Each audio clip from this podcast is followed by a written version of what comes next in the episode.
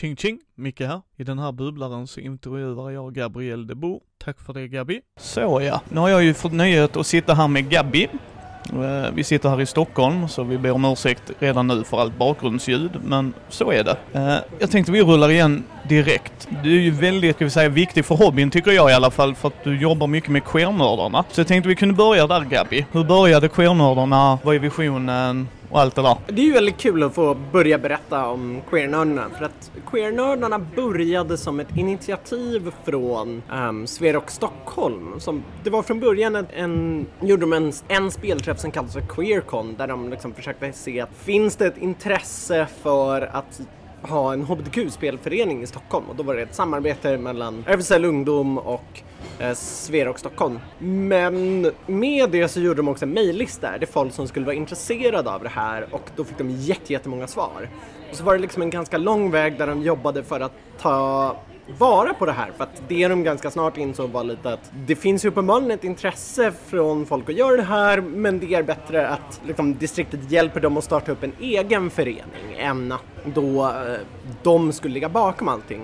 Så med det så höll de en nätverksträff som jag missade roligt nog, men jag kom liksom in efter. Så efter Pride-paraden 2016 så gick en Proud Nerdy i Sverok och kände att jag har nog en plats här, jag skulle nog kunna göra bra saker. Så då hörde jag av mig och var så här, hej, jag är en pepp-person ungefär, finns det någonting jag kan hjälpa till med? Så fick jag höra att ja, men de håller på att starta upp en HBTQ-förening i Stockholm.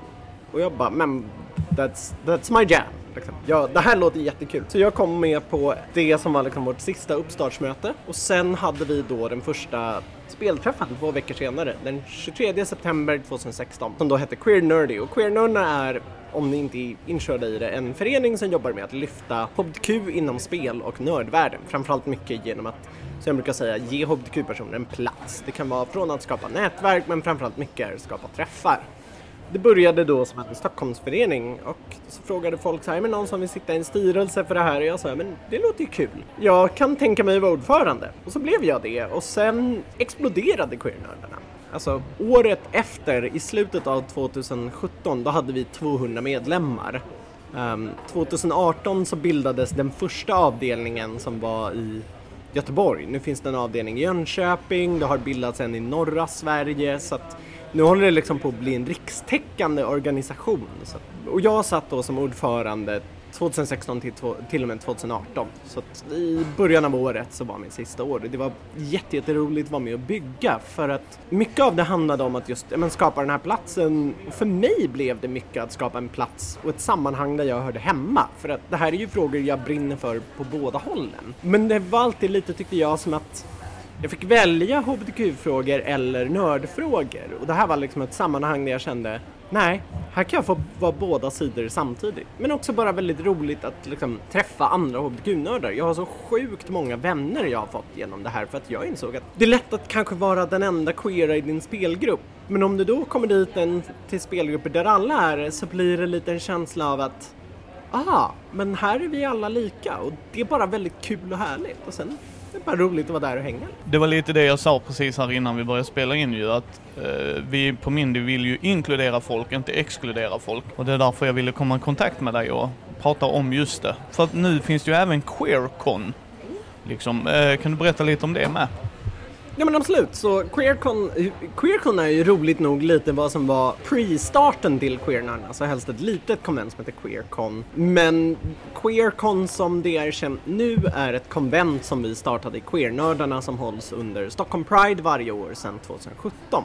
Eh, som jag var med och startade upp bland annat. Så tanken med Queercon var att vi ville skapa ett konvent som väckte de här frågorna så att det är väldigt mycket ett Eh, panelkonvent så att det finns väldigt mycket fokus på liksom, paneldiskussioner. Vi bjuder in jättemycket spännande skapare. Så jag var med i flera paneler i år och pratade bland annat om liksom, queera superhjältar och femme fatales och hur det hänger ihop. Men samtidigt så är det jättemycket spel. Det är både liksom brädspel, vi har flera spelskapare som kommer dit. Så vi hade, de hade Blackfist förlag som gäster i år.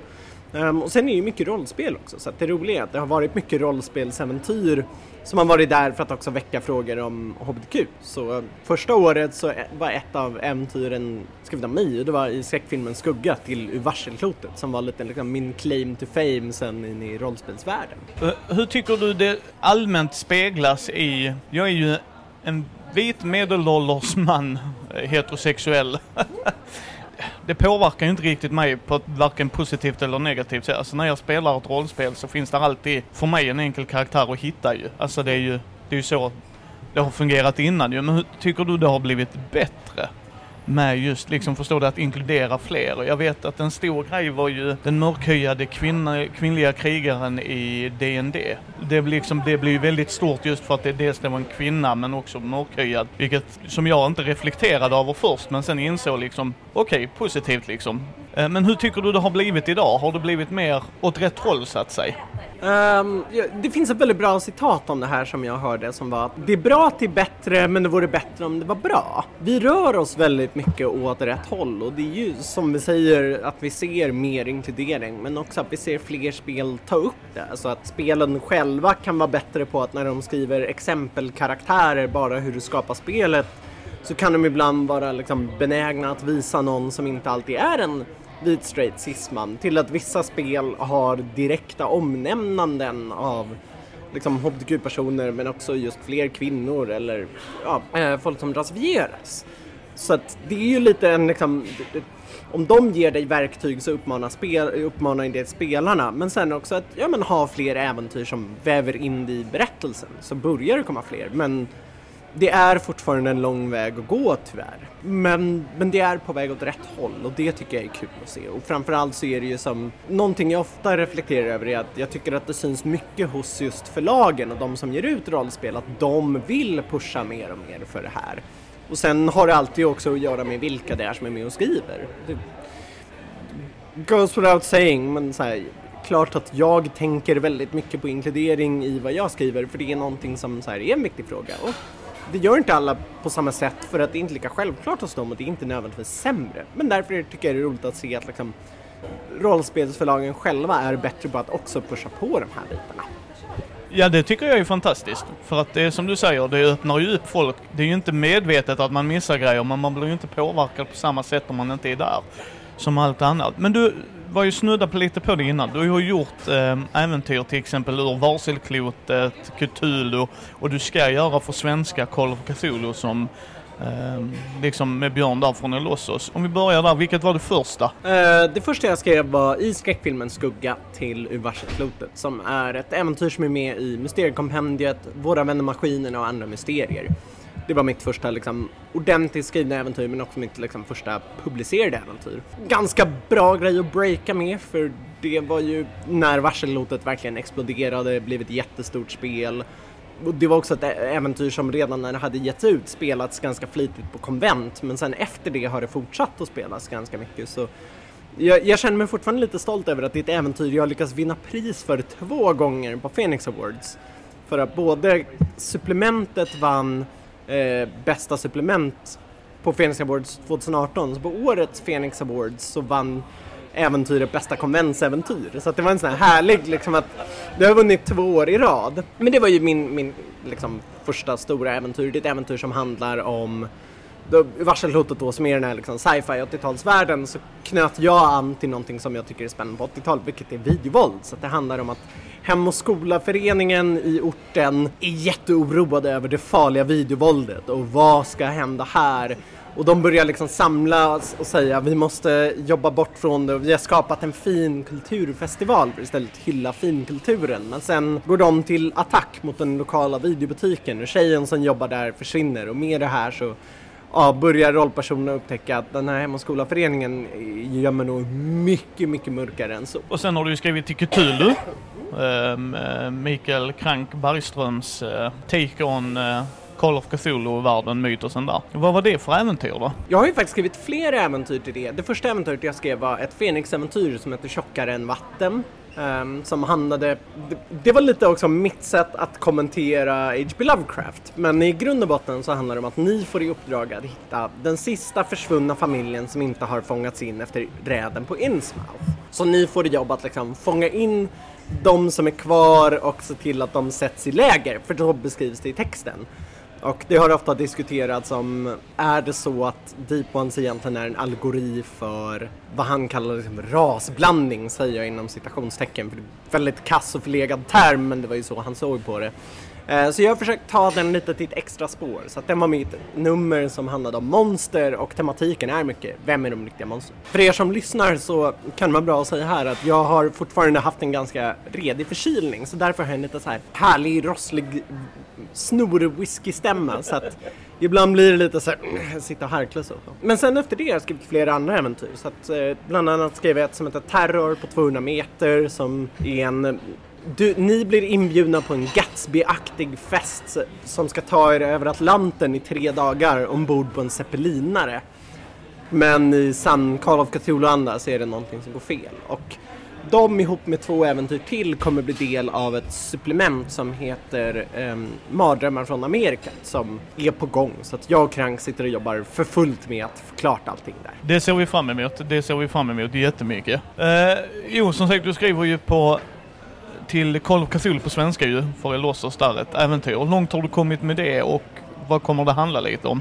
Ja, just nu så har jag, jag har skickat in mitt första, mitt första utkast, fått lite feedback, så nu sitter jag och redigerar för fullt för att liksom närma sig inför att Kickstarten ska släppas, som inte riktigt har gått live när vi spelar in det här. Men själva grundstrukturen till äventyret är klar och jag har till och med börjat testspela det och hunnit spela några sessioner in. Men så att ganska mycket av det, liksom, vad själva äventyret ska vara är väldigt klart, men den stora biten som är kvar är ju att ja, men, få till alla detaljer, snygga till texterna och också skriva en del viktiga miljöbeskrivningar som inte riktigt är helt klara. Och själva äventyret då heter En seans i Stockholm och utspelar sig som sann 08 jag är i Stockholm och blir liksom mycket äventyr genom stan som jag beskrivit lite som en okult stadsvandring. För jag är väldigt mån om att så här, ni ska få se olika delar av Stockholm. Men det är också en ganska tjock del om bara stan i sig. Och det handlar om att eh, utredarna får höra om ett mystiskt sällskap som kallas för Stockholms seanssällskap som håller på med seanser som här har blivit en stor, stor hobby vid den här tiden som de vill komma i kontakt med. Men det här sällskapet håller på att förbereda en stor seans där de ska kontakta vad som sägs vara anden av en gammal häxa. Sen är frågan vad som kan ske när de når henne.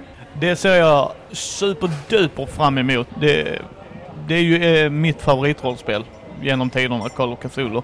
Och att det ska komma på svenska är supertaggad över. Men du är också, förutom alla de här coola andra nordgrejerna du gör, så har du också varit med i Actual Play-poddar både som spelare och som spelledare om jag inte har helt fel för mig va? Ja, mest spelledare mest spelledare.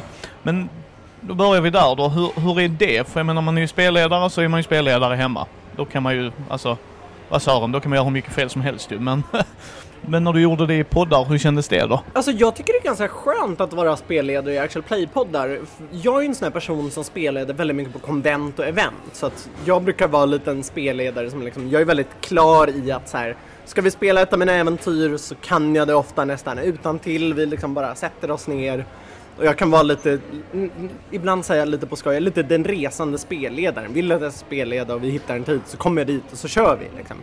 Uh, och Actual Play-poddar för mig när jag spelleder där, det är lite samma känsla oftast. Att det är lite som att vara på event eller på konvent där det är liksom vi ska klara det här inom den här tiden. Det handlar mycket där om, tycker jag också, att bygga kanske mer spännande historia än att det ska vara, liksom, vara väldigt sant mot spelet. För att du har en mer begränsad tid. Men det är också en kul utmaning. Och men ofta brukar det kännas ganska bra. Sen är jag alltid lite kritisk när jag lyssnar på mig själv och sitter jag och tänker så här, där var, satt det inte alls så bra som du tyckte att det gjorde. Liksom. Eh. Men det brukar vara väldigt roligt. Och jag har ju varit med och skrivit musik till några av poddarna också, till de avsnitten. Så att då har jag gjort soundtrack till dem. Och det är ju ett ganska kul sätt att sitta och lyssna, men då blir det ju verkligen minutiös detalj att säga oh, wow, det där kunde jag ha gjort så mycket snyggare liksom. Men det som är skönt är att många av de äventyren är också äventyr som är ganska inspelade på vid det laget att vi sätter oss och spelar in dem. Så att då blir det också så här, ja men har jag spelat ett äventyr fem till tio gånger och ska göra en podd, då sitter väldigt mycket av det i bakhuvudet redan. Så att då är det också väldigt lätt att hålla koll och få flow i det. Och känna, då känner jag en stark säkerhet där. Vilka poddar är det för folk som skulle vilja höra dig in action så att säga? De poddar jag gästat är Svartviken rollspelspodd där jag har spelat Ur varselhotet och äventyret Spökhuset i Färentuna. Jag har också spelat in eh, Terror på 200 meter men det kommer komma senare. Det spelade vi in under Gotcon men det kommer när det kommer. Sen har jag varit med på um, Sweden Rolls med ett specialskrivet Ur varselhotet-äventyr. Uh, eh, men det äventyret kommer komma i familjeupplagan av Phoenix.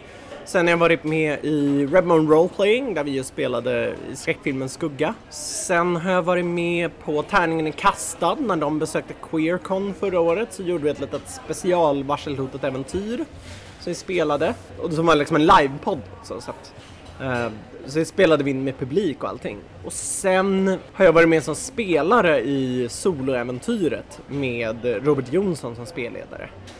Och sen tror jag att det är de rollspelspoddar jag varit med i. Men... Det är en hel lista. Jag ska försöka länka det i shownotesen för er som vill. Eh, jag lyssnar ju på den i soloäventyr. Det var faktiskt den som fick mig att börja lyssna på actual play-poddar. Eh, så jag tycker han gör ett jäkligt bra jobb, Robert, där. Men om vi tuffar vidare då. Vad kommer vi få se mer ifrån dig i framtiden? Vad är det vad som händer nu så att säga? Ja, först och främst så just nu har jag en sån här härlig period där jag har suttit och skrivit jättemycket äventyr, även utöver de som jag nämnt. Så utöver att ni kommer se Call Cthulhu och det ska släppas mot slutet av året så har jag också varit med och skrivit ett äventyr till eh, Nya Chock, Åter från graven med Låsa förlag. Ehm, det äventyret heter Nästa Odenplan och handlar om hemskheter i tunnelbanan, vilket var ett jätteroligt ämne. Så när Björn kom och sa, vill du du, jag behöver någon som ska skriva det här, är du på? Jag bara, Björn, jag har suttit och hobby-researchat grejer för det finns massa legender om ett spöktåg och en spökstation i Stockholm. Så jag var så här, som jag har suttit med i månader och vill göra något av. Så jag bara, ja, jag har en idé nu liksom. Så, här. så jag pitchade, eh, när han frågade så fick han liksom typ pitchen nästan samtidigt. Sen har jag varit med och skrivit till Väsen som är av Eh, Fria Ligan, deras kommande skräckrollspel baserat på Johan Egerkrans böcker som är att ni spelar ett eh, mystiskt mytologiskt 1800-tal där ni är en del av ett sällskap som utreder olika mystiska väsen runt om i Norden. Och sen är det tänkt att jag ska skriva till Skrämt om det går hem på Kickstarten. Och sen har vi ju som sagt den uppkommande äventyrsboken Empty Cthulhu. Um, och så har jag Uh, jo, handbok för superhjältar ska jag göra några miniäventyr till så de, jag har fått mina pitchar godkända så nu är det bara att få lite lucka i Call of Cthulhu-skrivandet. Um, sen har jag varit lite i kontakt med Stygium Fox i England och skrivit till Call of Cthulhu med dem. Så vi får se vad det blir och sen finns det ett annat skräckrollspel som jag har skrivit en grej till. Men uh, vad det är, det återstår att se. Det, det obligatoriska, här är någonting hemligt men uh, det kommer bli väldigt spännande när det annonseras. Härligt, härligt. Sen som sagt i slutet på de här så brukar vi alltid försöka lära känna personen vi intervjuar.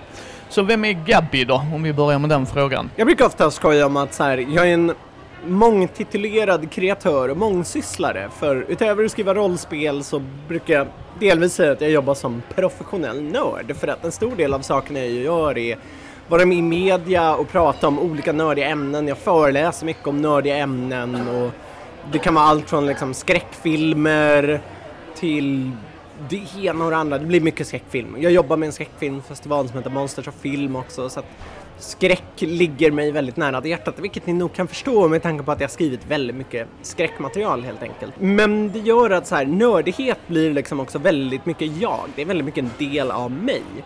Eh, så det är ganska roligt att få dela med sig av mycket av min nördighet som många känner mig igenom är ju också väldigt mycket jag. Liksom. men utöver det så jag kan tänka mer. Men så här, jag är, vilket också föga överraskande, väldigt stor filmälskare så att så här, mycket av den tid jag har över ägnar jag åt att så här, jag går väldigt mycket på bio och skriver mina Instagram-recensioner på olika filmer som jag ser och bara liksom kan passa på att njuta av det. Men ja, det är en spännande fråga.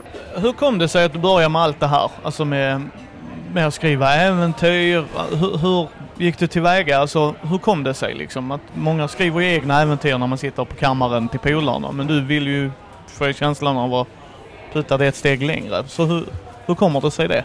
Alltså jag, jag skrev ju lite småäventyr så här fram och tillbaks under många år men för mig blev det mycket att när jag lärde känna Fria Ligan på Gotcon 2017 och spelade mycket så gjorde jag lite event där jag spelade efteråt och fick rätt bra kontakt med dem och ja, men vi fick dem att vara med och så här småsponsra första Queercon lite där jag skrev det här äventyret så sa jag också men får jag skicka det? Vill ni titta på det? Liksom? För jag kände ju att vi hade redan pratat lite om att ja, men det kanske kunde vara något att göra av ändå liksom, för att jag visste att de behövde material till varsellotet och sen ja så fick jag ganska exakt två år sedan så fick jag liksom det sjukt viktiga mejlet som sa vi kommer ta med ditt äventyr. Det kommer vara med i det här kompendiet. Och då var det, då var det verkligen att ha levlat det. Liksom. Men jag tror att mycket av det hjälpte ju också att jag var redan då en ganska liksom, framstående arrangör. Jag hade växt fram ganska mycket som ett namn och det hjälpte ju mig men sen var det ju lite att när jag hade ett äventyr publicerat så insåg jag att okej, okay, men då kan jag få fler äventyr publicerade men också att det, det, är också lite så här, när du har din första grej gjord så är det också väldigt mycket lättare för andra att ta an dig som författare för att Alltså så här, då vet de också att du kan leverera på ett annat sätt. Så att det blev ju lite liksom att efter det då släppte det och jag började ju tro på mig själv också. Jag kände att men nu vågar jag kontakta förlagen. Jag vågar pitcha grejer till dem och jag vågar prata med dem och se om de nappar på mina idéer. Och så började många göra det och sen började fler och fler komma till mig och be mig skriva. Liksom. Och eh, det är jag väldigt glad över kan jag säga Gabi. Nu, nu ställer jag en fråga som är rätt onödig, men, men jag ställer den ändå. Spelar du rollspel? Eh, ja, jag spelar rollspel. Faktiskt inte så mycket som folk skulle tro. Att jag, eh, som folk skulle tro. Många säger att du spelar jättemycket. Jag säger ja, ja. Så här, det, det tar ju mycket tid att spela rollspel. Nu är det väldigt kul för att jag faktiskt har en pågående spelgrupp där vi testspelar mitt Call Cthulhu-äventyr. Men annars så brukar det bli att mycket av mitt rollspelande kan vara Uh, det blir nästan mer uh, liksom, event konvent spelledande så att det kan vara jätteintensiva perioder när det är nu är det massa event och konvent och sen så går det ett tag så spelar jag inte och sen blir det jättemycket spela igen så det är väldigt mycket upp och ner. Men jag har ju börjat bli lite dryg med att så här, mer och mer hinner jag mest bara spela det som jag har skrivit. Vilket är ditt favoritrollspel då? Ja, alltså den där är ju alltid en jobbig fråga för att jag har ju många jag tycker om, men jag kommer göra det lätt för mig själv. Jag måste ändå säga ur varselklotet för att det var liksom ett spel där alla led talade till mig. Det var liksom både systemet som gick så bra hand i hand med settingen som var liksom punkt och pricka vad jag älskade och att det också utspelade sig på Mälaröarna där jag själv är uppväxt gjorde att det låg liksom så nära mig så att jag brukar säga lite att jag lite halvt också fick fangirla mig till att jobba med det spelet. Sen är det kul att jag blivit så liksom eh, ihopkopplad med det numera. Är du rullspelare eller rollspelare? Och rollspelare utan tvekan. Jag är en person som kan ha jag kan vara, det var nyligen en spännande tråd på rollspel.nu med liksom pet peeves inom rollspel där jag sa nej, jag, jag tycker illa om det jag kallar för rollspelsbingo som mest är att folk sitter och ropar olika nummer och så säger någon annan om det är bra eller dåligt. Jag kan känna att det, det tar bort saker för mig. att jag är helt okej okay med system och jag vill ju ha system som hjälper till för att skapa dramatik. Men jag tycker om när systemen hjälper till att snarare föra storyn framåt och när de inte låser berättelserna till exempel. Så att, och jag tycker, alltså, jag är fortfarande en person som tycker att så här, det roliga sättet att spela är ju att när folk rollspelar så bra att det är det som för dem framåt. Håller helt med. Eh, men var får du din inspiration ifrån? Kolla på alla namn jag har i äventyren jag skriver. Nej, men det finns ett ganska stående skämt om att jag har, jag är ju så här, lite känd för att jag har väldigt, väldigt, väldigt, väldigt, väldigt mycket referenser. Så att väldigt många jag känner sitter ibland och liksom minutiöst läser namnen för att förstå vad det är jag refererar. För där, där brukar jag vara duktig att också baka in eh, vad jag faktiskt är inspirerad av i vissa saker. Men så det är ju väldigt olika grejer. Men som till exempel i Tjockare än vatten så finns det en familj som heter eh, Seth Veronica, Martin och David, vilket är döpt efter familjen Brundle från filmen Flugan och sen David efter David Cronenberg som gjorde den. För att det var en väldigt stor inspiration och referens till när jag skrev det äventyret till exempel. Men min återkommande grej är att så här, som stor cineast, filmnörd, så är jag också en person som tar väldigt mycket inspiration från film. Det är ju liksom min stora grej. Och det är därför det var roligt att mitt första äventyr också faktiskt handlar om skräckfilm som har varit en stor inspiration för mig. Eh, och finns, sen är ju även jag med i det. Så att, tjejen som jobbar i videobutiken blev ju jag och det var inte så mycket medvetet från första början utan jag tänkte ja men han som jobbar där så han ska vara så här så började jag skapa attribut och bara jaha det här blir ju jag. Men då tänkte jag att så här, nej men då gör vi en kul grej av det. Då, då går vi så här vi kan göra två sätt. Antingen drar vi bort från det för att göra någon annan, men det var mer för att jag ville undvika de klassiska klyschorna på folk som jobbar där. och hade lite tankar om hur jag ville att en person skulle vara. Då var det så här, nej men då kan det få vara lite kul att, då, då, äh, då skriver vi in lite grejer. Då skriver vi in att hon har glasögon och lite crazy brunt hår också, för då kommer vissa så här, ah det är Gambi, ja men vad roligt. Då, jag menar, ja vi, jag vet ju hur det gick med det så jag kom undan med Nej men, eh, men sen är min inspiration lite blandad. Det är ju liksom väldigt mycket spel också. Jag inspireras väldigt mycket av eh, gamla peka-klicka äventyrsspel som är en stor inspiration. Så det är alltid så här, när jag skriver någonting om New Orleans så måste jag baka in en referens till Gabriel Knight någonstans. Men sen är det mycket också bara mig själv. Jag är ganska mycket en sån här person som, det är kul när folk frågar hur kom du på den här idén? Och väldigt många gånger är det typ så här, um, jag satt och sen så stod jag i duschen och så tänkte jag bara, nu har jag en idé. Eh, men det är väldigt växlande och ibland kan det vara liksom, jag har haft idéer som kom, typ idén till nuvarande Call of äventyret jag skrev. Jag visste att jag skulle göra någonting men inte om vad. Jag satt liksom och tänkte och sen när jag och några kompisar tittade på film och så var det en scen med en seans, bara seanser är coolt. Så det var liksom min, min, första, min första anteckning för vad det äventyret skulle handla om var verkligen bara seanser är coolt. Uh, och sen utifrån det så började jag bygga ett äventyr. Är du hellre spelare eller spelledare? Spelledare. Jag tycker det mest spännande är ju historieberättandet liksom. Så att jag är ju mest spelledare. Men ibland är det kul att vara spelare. Men jag föredrar mycket mer att vara spelledare. Spelar du brädspel? Ja! Det gör jag ganska mycket. Så det är lite blandat. Det är både um, ehm, sådana typer av liksom, ja, men lite mer ordentliga brädspel som liksom mer komponenttunga och så. Jag hade en kompis som faktiskt ett tag retade mig och mina kompisar för att vi köpte spel med så mycket pluppar, vilket hon kände så här, det jobbiga var att så här, det var kul spel men ibland tar det nästan lika mycket tid att sätta upp brädet liksom. Jag är ju en sån här, jag älskar ju till exempel Eldritch Horror, det är väldigt stor fantast och kär i Ticket to Ride. Men jag är också väldigt mycket en partyspelartyp. Uh, eh, så jag tycker jättemycket om att spela liksom såna här snabba partyspel eller ganska sociala spel som till exempel Codenames, uh, Cyanide Happiness-spel, Joking Hazard är en liksom, stor favorit. Uh, och sen är min, såhär, mitt go-to-spel jag alltid spelar Coop. Ja, ja, För att det är såhär, det tar typ ingen plats att ta med mig, det går jättefort att lära folk, men det är ändå väldigt kul. Det är, liksom, det är lätt att komma in i svårt att bemästra. Vilket, eh, är du Ameritrash eller Eurogamer? Vet du vad jag menar med det? Ja, om jag är mer inne på... I men jag skulle väl säga att jag är mer Ameritrash än Eurogamer liksom. Jag har lite Eurogame-spel, men jag är inte lika mycket för liksom klassiska Eurogames. Det beror väl lite, det jag tänker är väl liksom Ticket to Rides om vi... Ja, nej, det är väl ändå ett Ameritrash-spel liksom. Nej, det är mer Euro.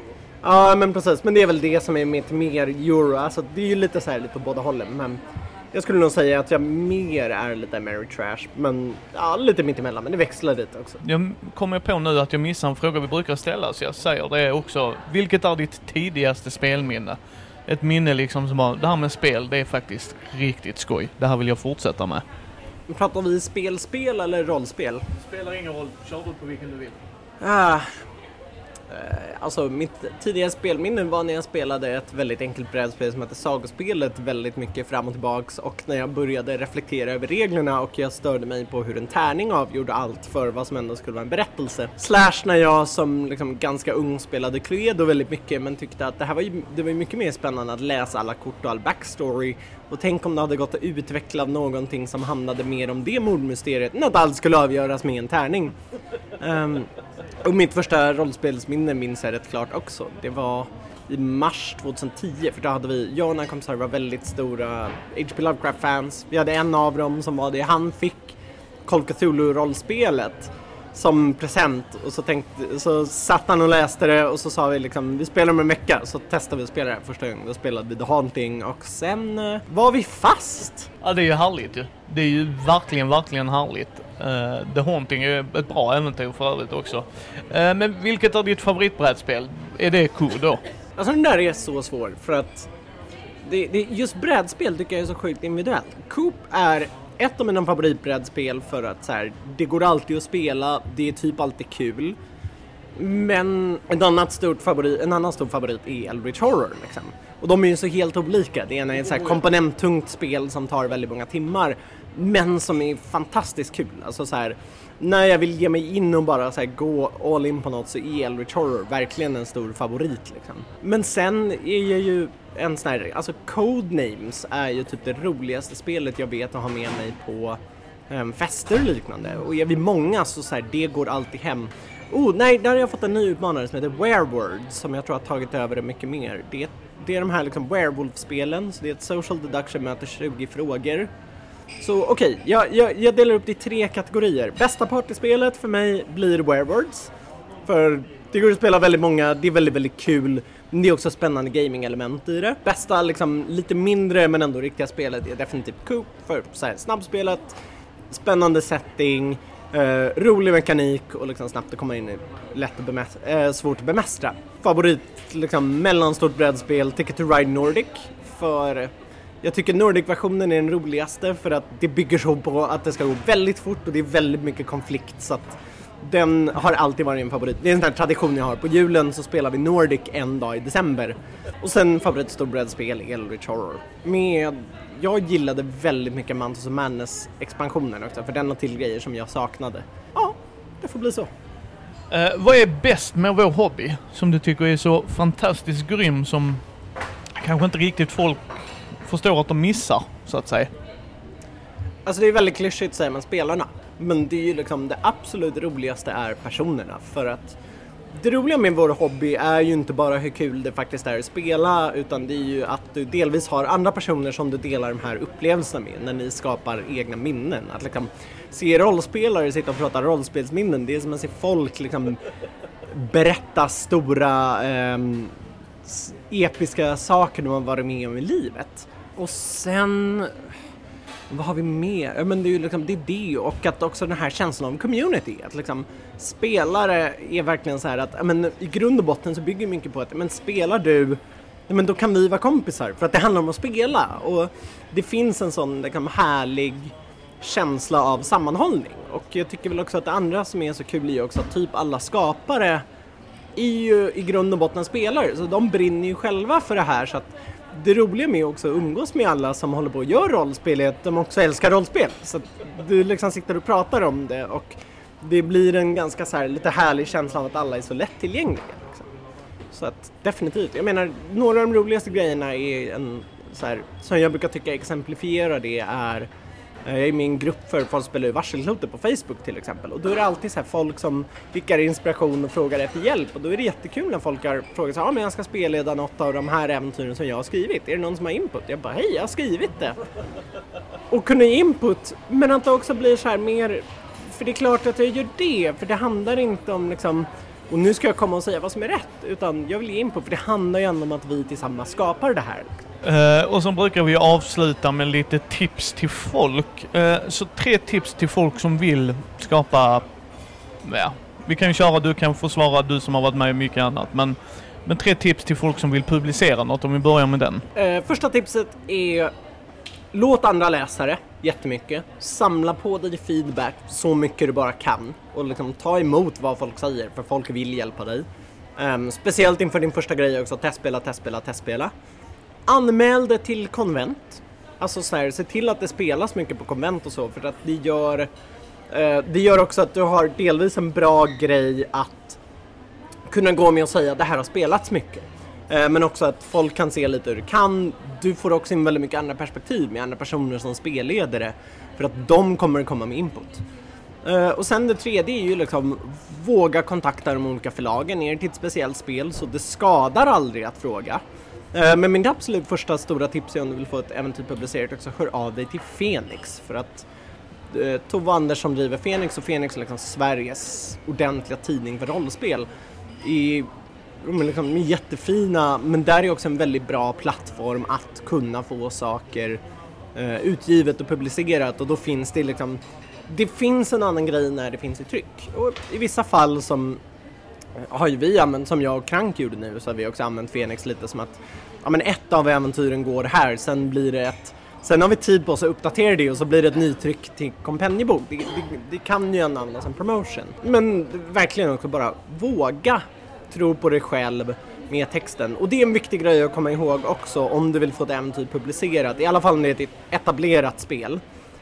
Tänk på att det de bryr sig om är texten. Det är jättehäftigt om du kan layouta och så, that's cool, men det är inte alltid det det handlar om. Eh, utan ibland handlar det om att du ska kunna skriva. Nu börjar det också komma mycket mer möjligheter för att också publicera det här. Alltså att många, eh, många förlag har på Drive-Through RPG till exempel möjligheter till där du själv ska kunna lägga upp äventyr som folk kan köpa. Liksom. Så att, eh, Fria Ligan håller på att skapa en sån nu. Där en av mina äventyr kommer släppas till exempel. Och det är ett väldigt bra sätt också att ändå få ut det bland folk. Liksom. Och sen finns det ju förlag som till exempel Bläckfisk förlag som framförallt också vill ta in nya kreatörer. Så har du en idé, hör av dig till dem. Om man då vill komma i kontakt med någon av eh, HBTQ, alltså queer, eh, queernördarna, ja förlåt mig. Fick en liten stilla sinnesförvirring här, men queernördarna. Eh, vad, gör man, vad hittar man det bäst? Um, det absolut första och enklaste sättet är ju att om du liksom har allmänna frågor, då hör av dig till info at queerandnerdy.se. Men sen har de en väldigt aktiv Facebook-sida. Och bor du i Stockholm så kom på våra spelträffar. Vi håller spelträff på fredagar på jämna veckor. Bor du i Göteborg så håller de spelträff på fredag en dag i månaden och de brukar ha en fikaträff också på um, sci-fi bokhandeln så det är bara att dyka upp till exempel. Så att vi ser till att allt det finns. Men mitt tips är där, kolla Facebook-sidan Queernördarna för där läggs saker och ting upp liksom, som sker.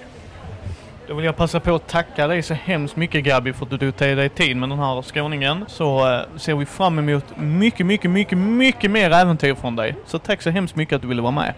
Tack! Det var jätteroligt att vara här också. Tack för att ni har lyssnat på Mindys bräd och rollspelspodd. Ni hittar oss på mindy.nu eller på Facebook, Instagram, Twitter och Youtube på Mindys bräd och rollspelspodd. Tack så hemskt mycket Gabby för att du tog dig tiden och blev intervjuad. Gå gärna in och lämna ett betyg på vår Facebook-sida eller på iTunes så fler kan hitta oss. Så hörs vi nästa måndag.